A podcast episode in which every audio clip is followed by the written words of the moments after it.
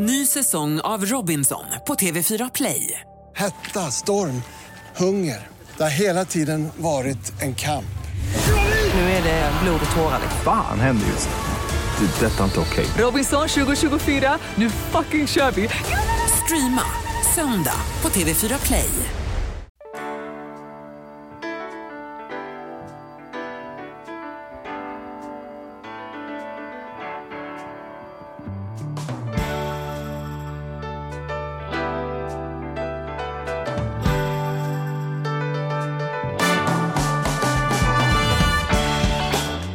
Hej och välkomna till Ekonomi på riktigt med Charlie och Mattias. Eh, en podcast om ekonomi som vi gör i, nu är dags idag Mattias att presentera en helt ny partner. Eh, Ja. en, en sponsor, en samarbetspartner som vi, vi har till den här podden. Eh, Superskoj. är du taggad? Ja. Ja. jag är jättetaggad.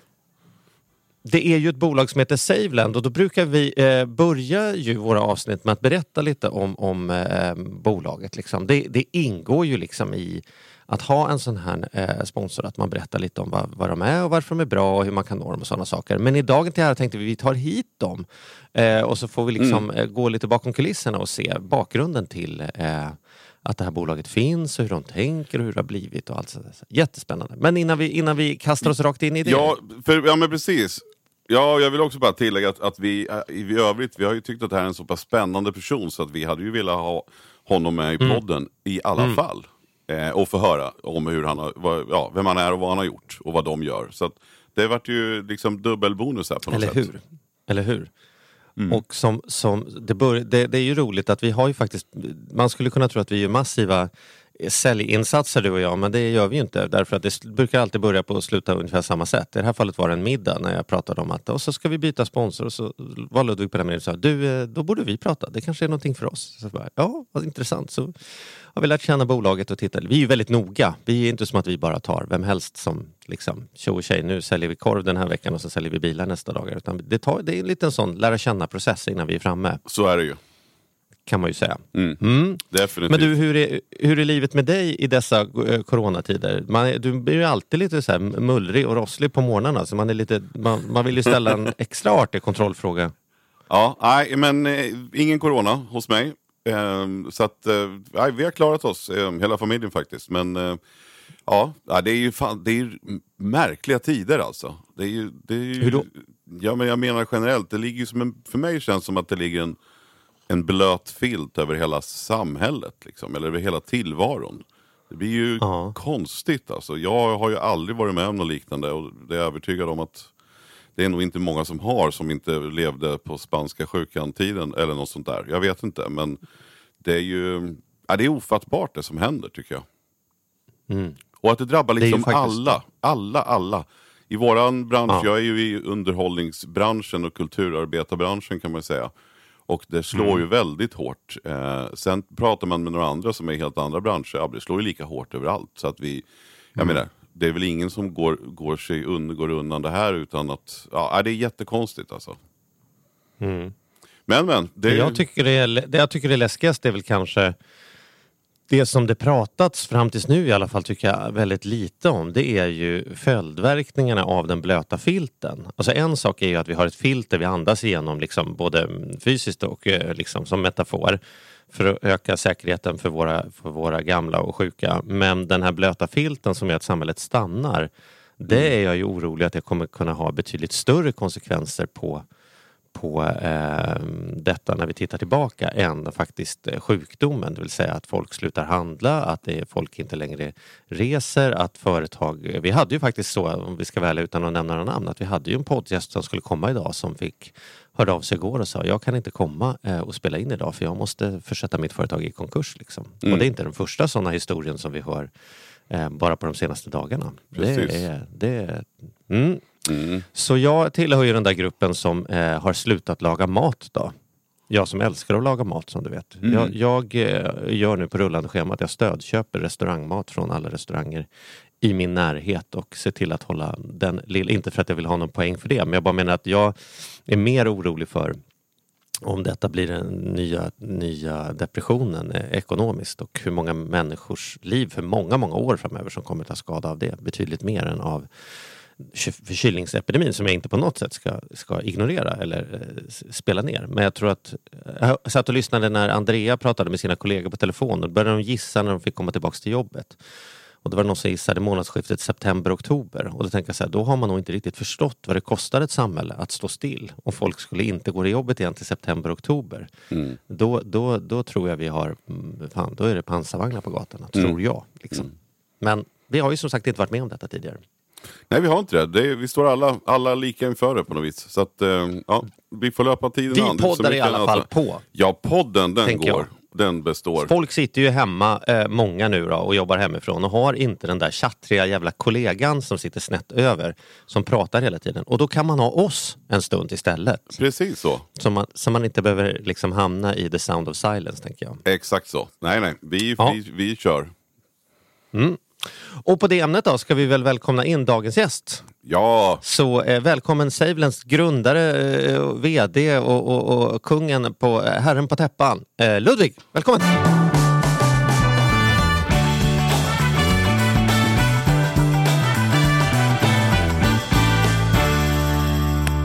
Får en liten applåd här.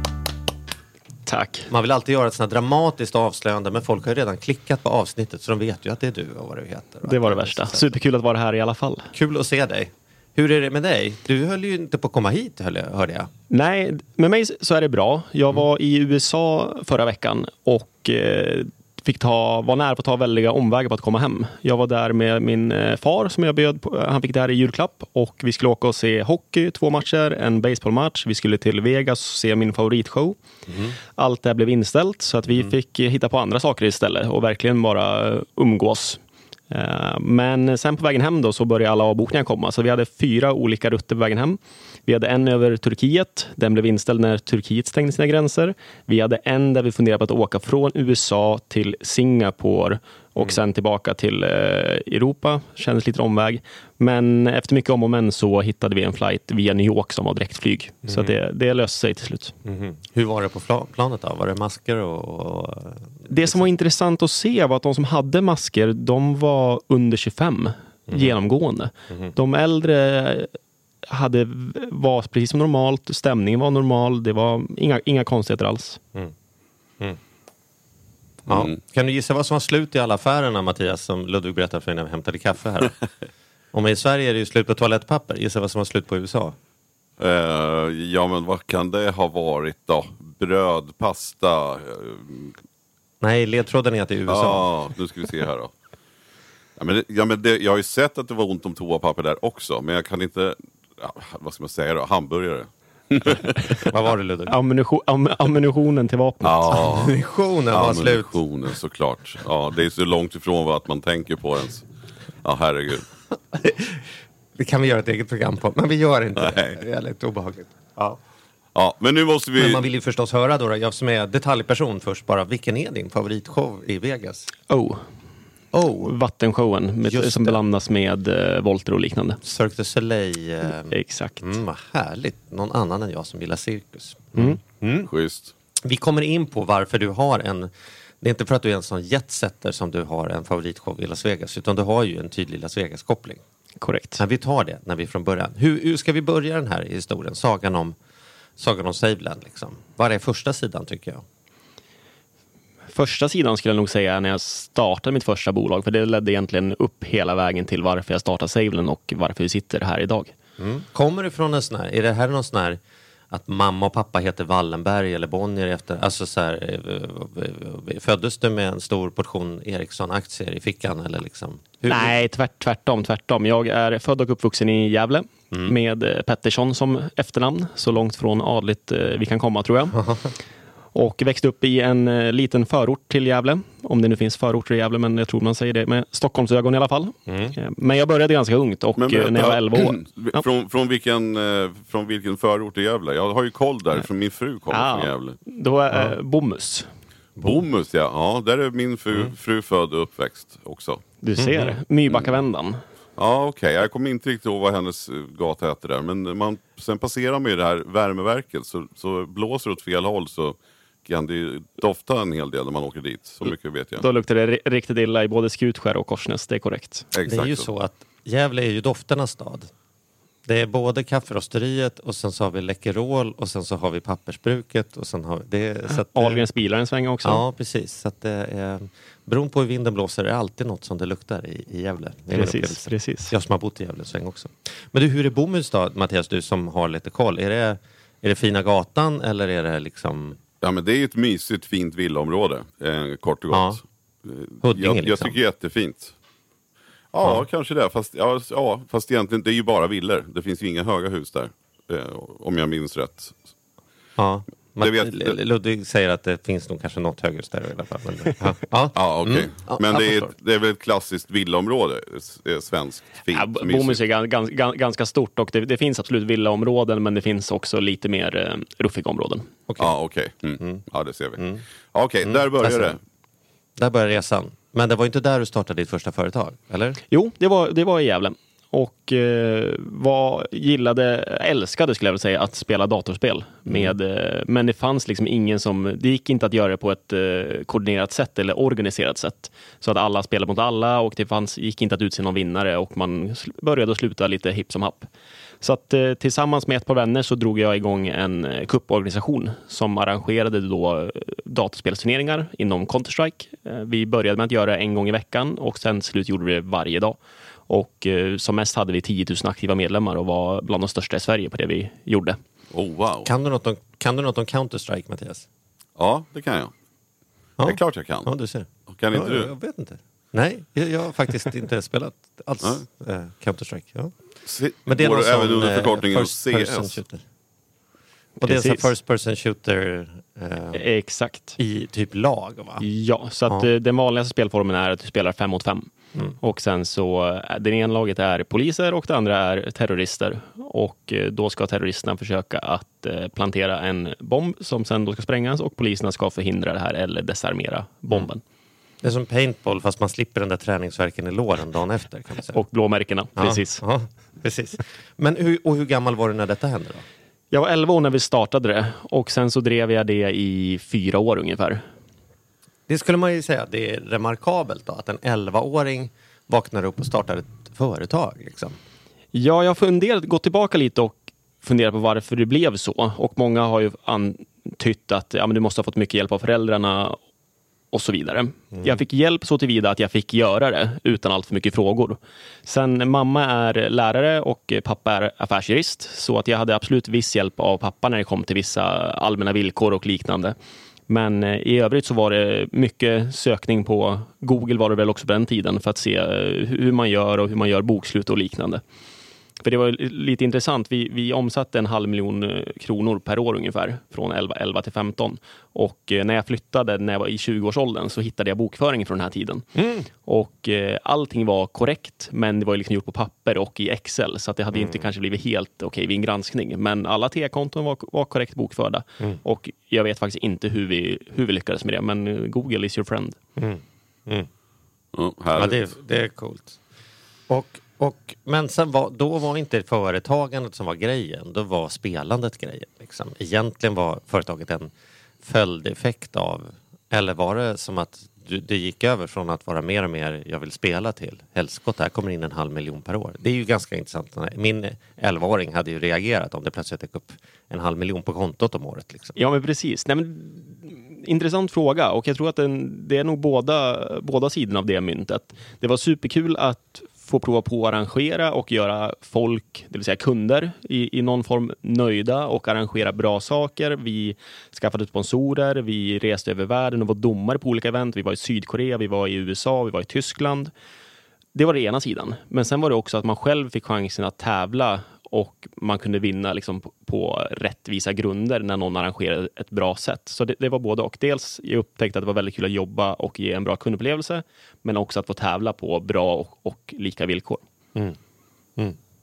Men nu sitter inte vi här idag för att, för att du är svensk mästare i Counter-Strike utan det har ju liksom, det gick ju vidare sen då.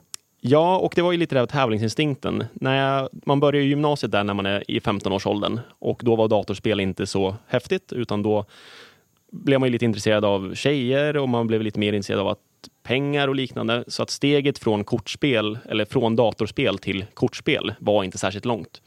Och i familjen så har vi spelat väldigt mycket kortspel. Mamma har vunnit SM i bridge, jag vet inte hur många gånger, fem, sex eller sju. Pappa har spelat i elitserien i bridge sista fem åren i alla fall. Jag kanske borde veta det här. Wow, häftigt. Vilken cool... Vad coolt, tycker jag. Ja, jag kan säga att bridge är det tråkigaste spel jag har suttit och kollat på. Så att jag, mamma, pappa och syrran spelar, men jag, eh, nej, jag, jag är inte där riktigt. Men du kan anordna turneringar åt dem i alla fall. Exakt, då blir de nöjda. Kan du något om bridge då Mattias? Nej, inte alls. Det är ju fantastiskt att du ändå är en, en eh, herre i din ålder som kan mer om Counter-Strike än vad du kan om bridge. Det, det är ändå... Ja, jag vet inte vad du säger, men ja. ja jag, jag kan i alla fall ingenting om bridge. Jag har aldrig spelat. Nej. Ja, men frå, från där så blev jag var ganska duktig i poker och la ner väldigt mycket timmar på det. Och jag levde på det professionellt från det att jag var egentligen 15 till så att jag var 22.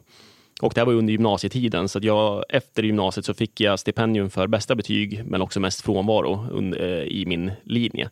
Och det här hade att göra med att jag spelade väldigt mycket sena kvällar och nätter och sen fick man plugga några få timmar innan provet. Och så hade jag ibland tur att ha lite fallenhet för de ämnena vi skulle eh, skriva tentamen i. Och det gick vägen ändå. Men skulle man säga att det är kännetecknande för dig? Det är ju nästan ett obstinat drag när man säger så här, jag är bäst i skolan men jag var aldrig där. Och jag tjänade mer pengar på att spela poker på nätterna än på att liksom studiebidrag och annat. Jag var 11 med första företaget. Du, låter, du, du dyker ju upp som en väldigt mysig och städad person. Men när man hör den här CVn så tror man, ska man ju tro att du skulle vara liksom så här bindgalen eh, liksom, eh, serieentreprenör som skjuter åt alla håll. Liksom. Men kal- kalkylerade risker skulle jag säga. Ja. Och eh, sen det jag har lärt mig längs åren det är att lyssna väldigt mycket på, på input men eh, analysera och sen gå min egen väg. Ja. Ja, men, men poker då? Men vad sen då? Alltså Ja. jag är ju så nyfiken att Ja, höra. men sagt, vad- det, det, som- det gick eh, rätt bra och jag tjänade mig en hacka. Och, eh, men eh, Hur mycket då ungefär? jag kom loss med eh, någonstans mellan en, en, och tio miljoner och sen så hade man en eh, ganska stor spenderarkostym under, under de åren också. Jävlar. Men, det, det jag, jag, men jag upptäckte pokerns baksida. Mm. Och det var inte den som vi har eh, benämnt här hastigast, utan det var ju att så fort jag stängde av datorn så slutade också mina inkomster att trilla in. Det vill säga att poker var en aktiv inkomst. Jag var tvungen att gå till jobbet för att få min timlön. Just det. Och när, när man då hade byggt upp ett litet kapital så ville jag ju se hur kan jag låta det här kapitalet arbeta för mig när jag sover? Det är ju eh, de flesta människors dröm att tjäna pengar medan vi sover. Och jag upptäckte, eller jag upptäckte inte, jag hade hört talas mycket om aktier så att jag började läsa på en hel del och eh, gjorde mina första investeringar. Jag köpte stabila svenska fina bolag, Swedbank, Boliden, de här som alltid skulle gå bra i alla tider. Min utmaning var att jag köpte det här 08, ungefär samtidigt som alla krisrubriker kom in. Mm. För de som inte var med 08 så är det lite som att kliva in på börsmarknaden för två eller tre veckor sedan nu 2020, precis innan corona började göra allt för stora avtryck i börskurserna. Okej, så det är som typ om man hade köpt nu i mellandagarna i år och sen har man ner, med på hela nedgången i, i coronakaoset. Precis Det så. spelar ingen roll hur bra bolag man köpte, man kan räkna med att man tappar pengar ändå. Ja, så att jag satte av eh, en halv miljon ungefär för mitt, eh, att, och det skulle vara långsiktiga pengar som jag skulle se växa. På tre, fyra månader så tappade jag 40 procent av det kapital jag satt in. Så att det var ja, men un, ungefär 200 000 kronor och det var ju oerhört mycket pengar då, precis som det är nu. Och eh, då var jag 18-19 år. För en normal 18-19-åring är ju det i bästa fall en liksom hela skattade årslönen som, som Precis. försvann mer eller mindre över ett bräde. Precis. Så jag blev inte så... eh, Det här med börsen, det var svårare än jag hade trott och det var ju väldigt mycket som det har varit sista åren om man går tillbaka och jämför hur rubrikerna var. Sätt dina köp de här aktierna, det går upp, upp, upp, det kommer inte gå ner, det finns inga tecken på att vi kommer gå in i en lågkonjunktur. Men sen kommer då en, en, en sv- svart svan, som det här kallas, och så kommer det någonting helt oförutsett som ingen kunde tänka sig. Förutom möjligtvis Bill Gates som har varnat för det här i några år. Men så att jag, var inte, jag blev eh, ganska avskräckt från börsen, men jag gillade fortfarande konceptet på att låta pengarna växa och arbeta medan jag sov. Så att jag började se över och sprang över något som då i folkmun kallas alternativa investeringar och hittade att du kan investera i konst, du kan investera i dryck, ädelmetaller, guld, silver. Men problemet med de här investeringarna är ju att de kan gå upp, men du realiserar aldrig din vinst förrän du faktiskt har sålt din investering. Det vill säga, du har inget kassaflöde från det hela. Just det. Det trillar liksom inga pengar ur tavlan utan det är först när jag lämnar tillbaka den till Bukowskis som det kan tänkas. Precis. Du kan Ja. se ditt bankkonto eller ditt saldo gå upp, men du kan inte göra någonting med pengarna. Mm. Så det här gjorde att jag började kika efter alternativa investeringar, men som har kassaflöde. Varför vill du ha kassaflöde då? Därför att du tänkte att jag ska inte skaffa ett riktigt jobb utan jag ska liksom få Jo, abso- absolut. Men i sämre tider så Mm. är det väldigt tryggt att ha ett kassaflöde som gör att du inte behöver sälja dina positioner för att du kan tycka att fundamentet fortfarande är bra, men marknaden prissätter det på ett annat sätt. Och då vill du ligga kvar för att inte riskera att sälja eller köpa vid fel timing utan göra det långsiktigt över tid. Och det vågar man göra för man vet att det kommer in 20 000 i månaden oavsett vad. Precis. Mm, Att, att man har tavlor som är värt någonting hjälper inte när det är dags att betala räkningarna. Liksom. Exakt så. Okej. Och, och vad tänker, tänker man då, då när man tänker sånt? Men då hittade jag att fastigheter är ju perfekt på det sättet. Du har en rejäl tillgång, men du har också ett kassaflöde så länge dina hyresgäster betalar. Problemet med fastigheter är, upptäckte jag var att instegströskeln var ju väldigt stor. Du var ju tvungen att köpa ett, ett stort hus och det var ju några miljoner som jag inte hade att investera i en sån investering. Och, så då fick jag ta tillbaka till ritbänken igen och eh, researcha mer. Vad finns det som är kassaflöde, alternativ investering, men som har lägre instegströskel? Och då hittade jag i USA fanns det att du kunde investera eller spara i krediter. Det vill säga lån till både företag och konsumenter. Och hur funkar det då? Det är liksom... Ja, det där låter, det där vill man ju ta här. Hur, precis, hur, hur funkar det? Vad är det egentligen du köpte då, när du köpte något? Då eh, finns det pl- olika digitala plattformar som gör det som bankerna gjort i flera hundra år egentligen. De agerar mellanhand. Om du går till banken idag och sätter in pengar så lånar banken ut de pengarna vidare till både företag och konsumenter. De sitter ju inte på, där på mitt konto och bara sitter utan för att de ska kunna ge mig en ränta så, så ser de till att... Precis, till så att banken kanske lånar pengar från dig för 1 och sen så lånar de ut det för 10% eller 12 till, till konsumenter och företag. Och det var ju här någonstans, de första plattformarna för det här kom 05-06, det vill säga innan förra finanskrisen. Och såg att det här kan man göra utan att ha banken i ekvationen. Varför ska banken få tjäna den räntespreaden? Det vill säga skillnaden mellan vad du får betalt i ränta och vad de tar betalt av sin kund och eh, flyttade då det här så att du kan bli medlem på den här plattformen, sätta in dina pengar och låna ut pengarna i ditt namn. Men att plattformen sköter allt det här automatiskt och digitalt. Men lånade, lånade du ut då, så att du välde så här, det här är en, de här är en familj som bor i bomhus och de har ett hund och de verkar säkra. Deras bil är jag beredd att låna ut pengar till. Eller liksom, Det finns lite olika sätt hur man kan göra eh, och det gör det fortfarande idag i Sverige beroende på vilken plattform man använder. Det som har varit mest framgångsrikt om man ser både i USA och Europa och även i Sverige, det är när du som privatinvesterare gör vissa val men lägger över kreditbedömning på plattformen. För plattformen kommer alltid ha mer information och har heltidsanställda som arbetar med kreditbedömning.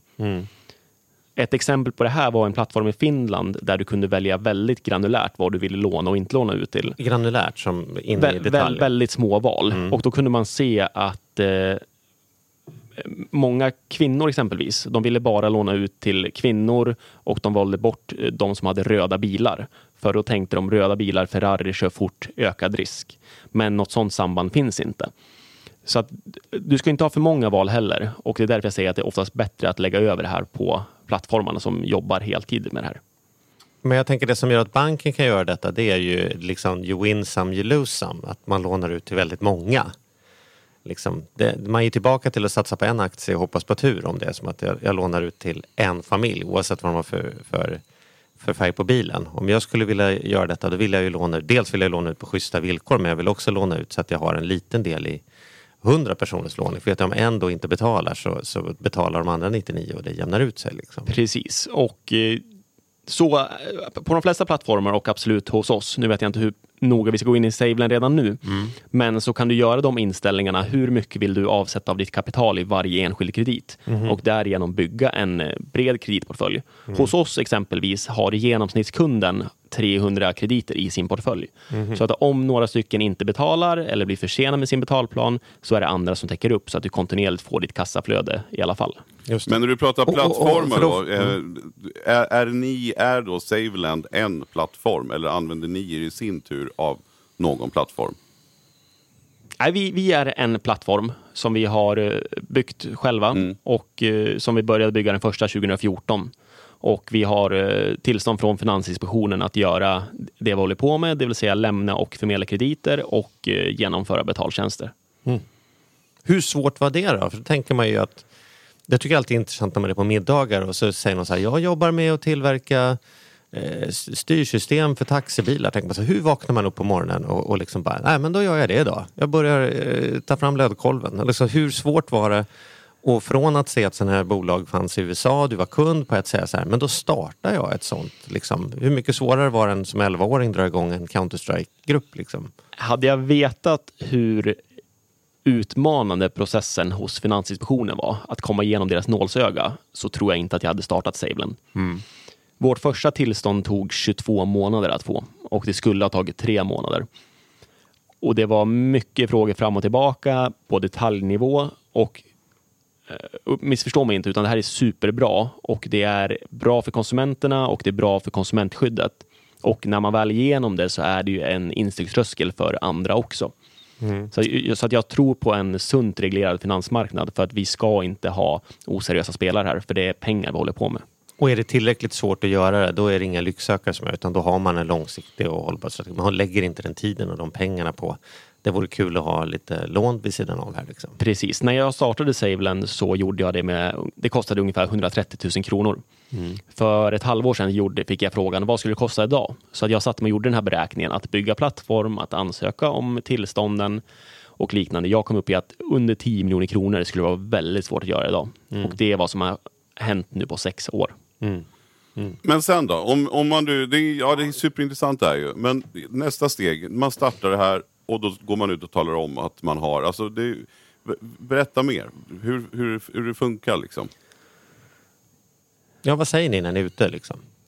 Så som vi har försö- försökt positionera oss så är det att vi är ett komplement till en hälsosam portfölj. Vi säger alltså inte att det här är det enda du ska ha, utan vi säger att det ska vara en del av en aktie, en fondportfölj, lite likvida medel och så kan du ha krediter. Och jag tror att om, om vi går tillbaka 20 år så var det väldigt svårt att spara i aktier i Sverige innan Avanza och Nordnet kom. Jag tror snabbspolar vi 10 år kommer vi ha samma situation att eh, krediter kommer vara en så pass naturlig del i allas portföljer. Så att vi, vi pratar om att vara komplement, ha en liten del hos oss. Du skapar konto helt digitalt med BankID. Du är igång på några minuter och sen så kan du då göra vil, eh, olika val. Där det ena är det vi har pratat om. Hur stor del av ditt kapital vill du sätta i varje enskild kredit? Och där är, eh, vi är ingen rekommendation, eh, men vi ser hur de flesta investerare gör. Och de vill ha minst 100 krediter i, i sin portfölj. Just för att ta upp det som du eh, pratar om, Charlie. Tycker du att, det är, att de tänker rätt? Är det, är det en rimlig analys? Att Det- har man 100 så betalningsförmågan och, och liksom betalningsmoralen och, och våra system i Sverige gör ändå att då kan man räkna med att det ska gå bra även. liksom. Ja, och diversifierar du mer än 100 så har det väldigt liten påverkan oavsett. Det finns en hel del studier som, som visar på från USA där det här kom först då, där de har gjort analyser i efterhand. När är det värt att fortsätta diversifiera eller inte? Men då blir jag så här Hur- direkt. hur med jag, jag måste bara få Ja, säga då. Så här, jag, då blir jag ju direkt. Det är någon stackare som har de där krediterna. Är, är det inte så att man skor sig på, på människor som, som måste låna pengar?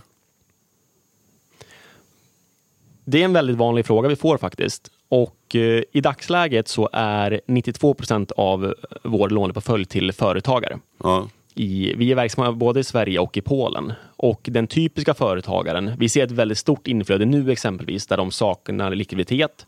Bankerna vill inte låna ut och då är vi en motpart som tar snabba beslut. Vi kan bedöma bolagen på ett mer effektivt sätt och se kassaflöde här och nu. Och eh, vi, vi förstår bolagen på ett annat sätt, så därför kommer de och vänder sig till oss. Så att vi, vi, jag, jag förstår absolut frågan och vi har en del konsumentkrediter. Men vårt stora fokus ligger på företagssidan. Så det är liksom inte, det är inte som att jag tjänar pengar på eh, liksom småbarnsfamiljer på Tyresö som inte får ihop ekonomin. Utan jag tjänar pengar i huvudsak på, på ett industriföretag i Polen som behöver en ny tryckpress för att kunna expandera verksamheten. Är det typ så jag ska tänka? Ja, och jag skulle säga det typiska företaget är antingen en fastighetsutvecklare eller ett konsultbolag. Mm. Och jag tycker konsultbolaget är ett eh, ganska tydligt exempel som eh, går att förklara på ett bra sätt. Och det ser vi att eh, konsulten har, säg konsultchefen då, de har anställda som jobbar i januari. De fakturerar sin kund i februari och får betalt i mars. Men själva underkonsulten vill ju ha betalt i februari. Så vi har ett glapp där på 15 eller 30 dagar med likviditet som de behöver täcka. Och då kommer de till oss och säljer sin faktura. Kan jag, kan jag välja att ställa in detta? Jag vill bara ha polska eh, och jag vill bara ha företagare eller jag vill, liksom, jag vill bara ha folk med röda bilar. Hur mycket kan jag påverka själv för att känna att jag har den portföljen som jag en, en hel del. Det vi försöker göra är att bygga en plattform för krediter. Så att du, lite som att du går till Avanza bara för att inte köpa Avanza-aktien utan för att köpa alla aktier. Mm. Lika ska det vara att gå till Savelin för att investera i krediter. Så hos oss så har vi olika kreditgivare som kopplar upp sig och finansierar sig i olika former. Så idag så har vi tre stycken. Vi har en som riktar sig mot konsumenter. Vi har en som riktar sig mot företag och så har vi en som jobbar med inkassoportföljer faktiskt. Mm. Så du kan välja mellan de tre eh, per idag. Mm. Okej, okay, så det är inte som att ni alltid lånar ut pengar direkt till den som ska ha pengarna utan det kan vara att ni hjälper till att finansiera åt någon som annars hade gått till banken och liksom lånat de pengarna eller något sånt. Mm. Ja, Vad tänker, frågar Mattias? Nej, men det är intressant det där. Jag, alltså, jag tänker i kedjan, liksom, hur det ser ut. Nej men det enda som är, jag menar vi har ju varit, eh, vi har ju hatat sms-lån genom väldigt många år. För vi har sett vad det har gjort med folk. Mm. Och det är, där man, det är mm. där som jag vill förstå skillnaden. Liksom. Men jag tror jag förstår. Nej, men jag tycker det är en jätte, jätteviktig fråga. Och eh, just själva termen sms-lån, det måste ha varit världens sämsta affärsidé genom alla tider. Att skicka ut pengar eh, i princip utan att identifiera kunden och sen inte göra en kreditbedömning för att du inte ska få pengarna tillbaka. Mm. Som, eh, vi lyder ju under samma liksom, grundregelverk som bankerna, att vi ska göra sunda kreditbedömningar. Men jag skulle våga påstå att vi gör dem mer effektivt. För att där bankerna ofta utgår, du går ju med på att de tar en kreditupplysning och vi vet ju alla hur gamla den kan vara. Det som du får idag, den gäller ju för 2018 års inkomst. Mm. Det hinner hända väldigt mycket på liksom 15 månader. Mm. Vi, tar, vi får rätten att även analysera kontoutdraget, så vi får transaktioner fram till igår. Så vi ser om det har hänt någonting med, det, med din inkomst, om den har ändrats sedan 2018. För vi jämför kreditbelysningen med dina lämnade uppgifter, vad du tjänar i lön, men också faktiskt vad som kommer in på kontoutdraget. Mm. Vi lanserade en ny produkt här för två månader sedan och där så godkänner vi just nu 2,5 procent av alla ansökningar. Okej, okay, så det är inte som att vem som helst bara så här, vi ställer inga onödiga frågor, bam, bam, pengar in på kontot? Tvärtom, tvärtom. Och det har lite att göra med att vi är ju ansvariga, tycker vi, för våra investerares pengar. Och de har ju lagt kreditbedömningen på oss, så vi vill göra den väldigt bra. Så är det något fall där vi är tveksam, då tackar vi nej hellre. Mm. Just det. Just det. Eh, är det, eh, vad, vad, kan man vänta sig då som, om man jämför detta med andra investeringar, vad kan jag vänta mig att jag har för avkastning på min alternativportfölj i, i Saveland jämfört med det jag har på börsen eller det som jag har på sparkontot? Liksom. Det vi kommunicerar är 7-9% över en hel konjunkturcykel.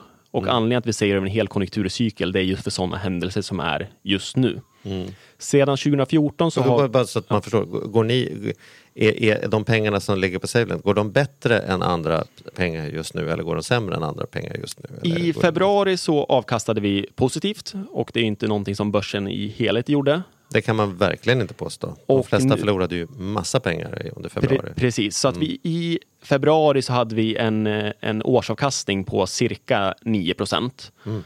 Och då är det extrapolerat för 12 månader. Mm.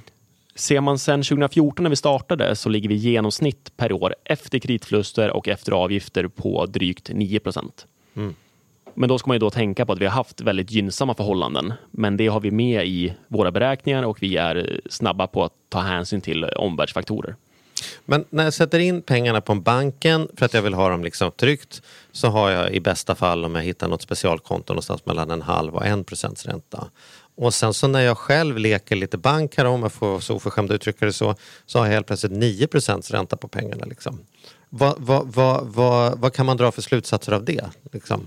Att få den statliga insättningsgarantin är väldigt dyrt. Det, är det, det är det man liksom betalar för, eller säga, med att inte få 8 procent per år. Precis, det är banken som tjänar det istället. Mm.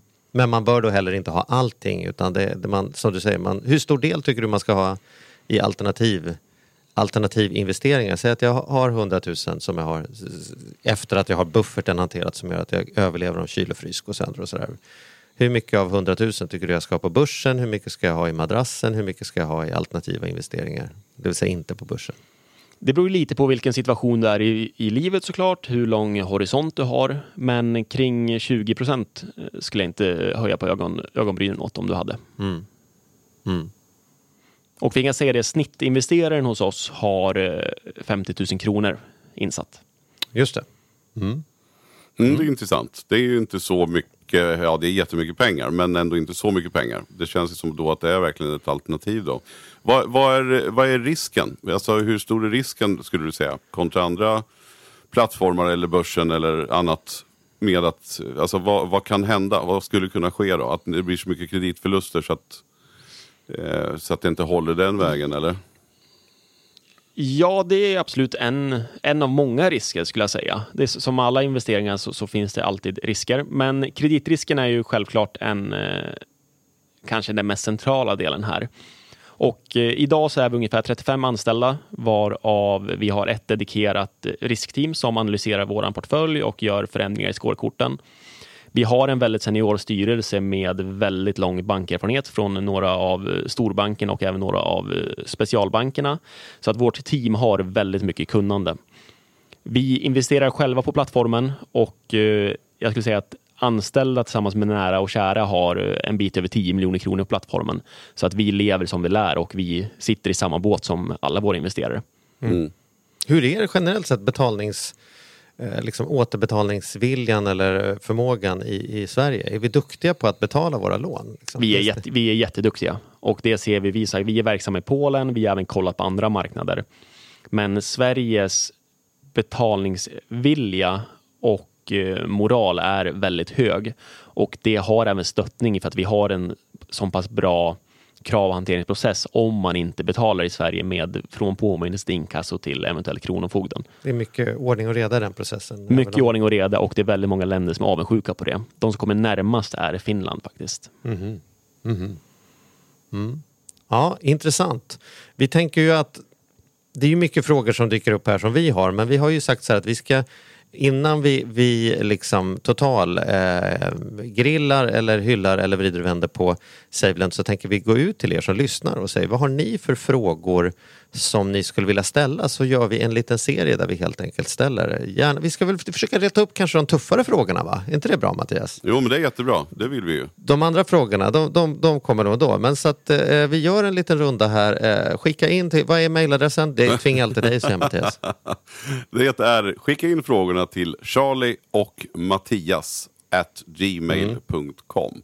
Och Charlie stavas med CH-L-I på slutet. Och Mattias stavas med M-A-T-H-I-A-S. Just det. Men det är viktigt att man skriver mitt namn först och ditt sist så att man inte Ja. får för sig att skriva ditt namn först. Då kommer det inte fram alls. Nej, då kommer det inte fram. Så Charlie och Mattias at gmail.com.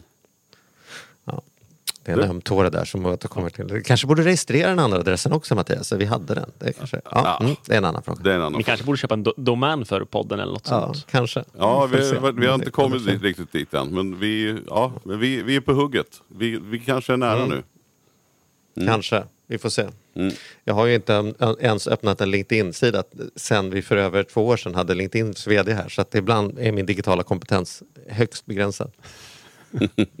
Men, men vad härligt, så in med era frågor där och sen så eh, möter vi upp SaveLend med, med jämna mellanrum och eh, eh, ställer de frågorna så ska det bli spännande och se eh, om, ni, eh, om ni håller måttet när våra eh, lyssnare får börja eh, vrida och vända och grilla och sådana saker. Om, om man vill in och läsa på och skaffa sig lite mer kompetens eh, så man inte ställer de vanligaste nybörjarfrågorna. Vart kan man läsa på, på om er då? Var? Saveland.se. Ja, Och är det några frågor som dyker upp där så är det bara att höra av sig till vår fantastiska kundtjänst. perfekt. Men nej, hör inte av er för mycket, hör av er till oss också så vi får chans att ställa, ställa frågorna. Och allas vägnar. Spännande, Ja, kul samarbete säga, tycker jag. Det är, vilken vilken eh, udda och eh, vilken, vilken resa du har gjort. Alltså, det är ju helt otroligt, eh, tycker jag. Är, ju- ja, det är så, man blir så glad när man hör, hör den, Mm. här, den här typen av driv och anda. Får man verkligen säga att du har. Mm. Tack. Ja, spännande. Eh, med det så tycker jag att vi, vi känner oss nöjda med, med dagens häng, eller hur? Mm. Absolut. Eh, alla är klokare, ingen är mera smittad. Nej, Eh, det, det, är väl, det är väl målsättningen. Och sen så får vi gå ut och stödköpa lunch eller middag på närmsta lokala handlare, tänker jag. tvätta händerna. Ja, och hosta i armbågen. Mm. På, de, på den, nu får jag göra lite egen reklam där faktiskt. Vi har ju sett, precis som du var inne på, att det är väldigt många företag som har det tufft nu. Så att den här veckan så lanserar vi ett särskilt eh, engagemang mot dem där våra investerare har sagt ja till att låna ut pengar räntefritt till exempelvis restauranger, cateringbolag, bilfilmer, bilfirmor som inte har kunder just nu tack vare att folk inte vågar gå ut. Så att vi kommer under sex månader låna ut pengar till ett antal företag helt räntefritt där vi inte heller tjänar några pengar just bara för att stötta dem igenom den här oförutsedda likviditetshändelsen. Coolers, Snyggt. vill ni gå in och bidra i det så går det att göra hos er också. Där har man inte sina 9% men då kan man åtminstone se till att man har eh, sina vänner och, och eh, grannar i arbete och eh, att vi inte hamnar i någon 30-talsdepression till följd av detta. Precis. Ja. Härligt. Kanon! Eh, eh, bug och bock, tack så mycket för idag. Tack för idag.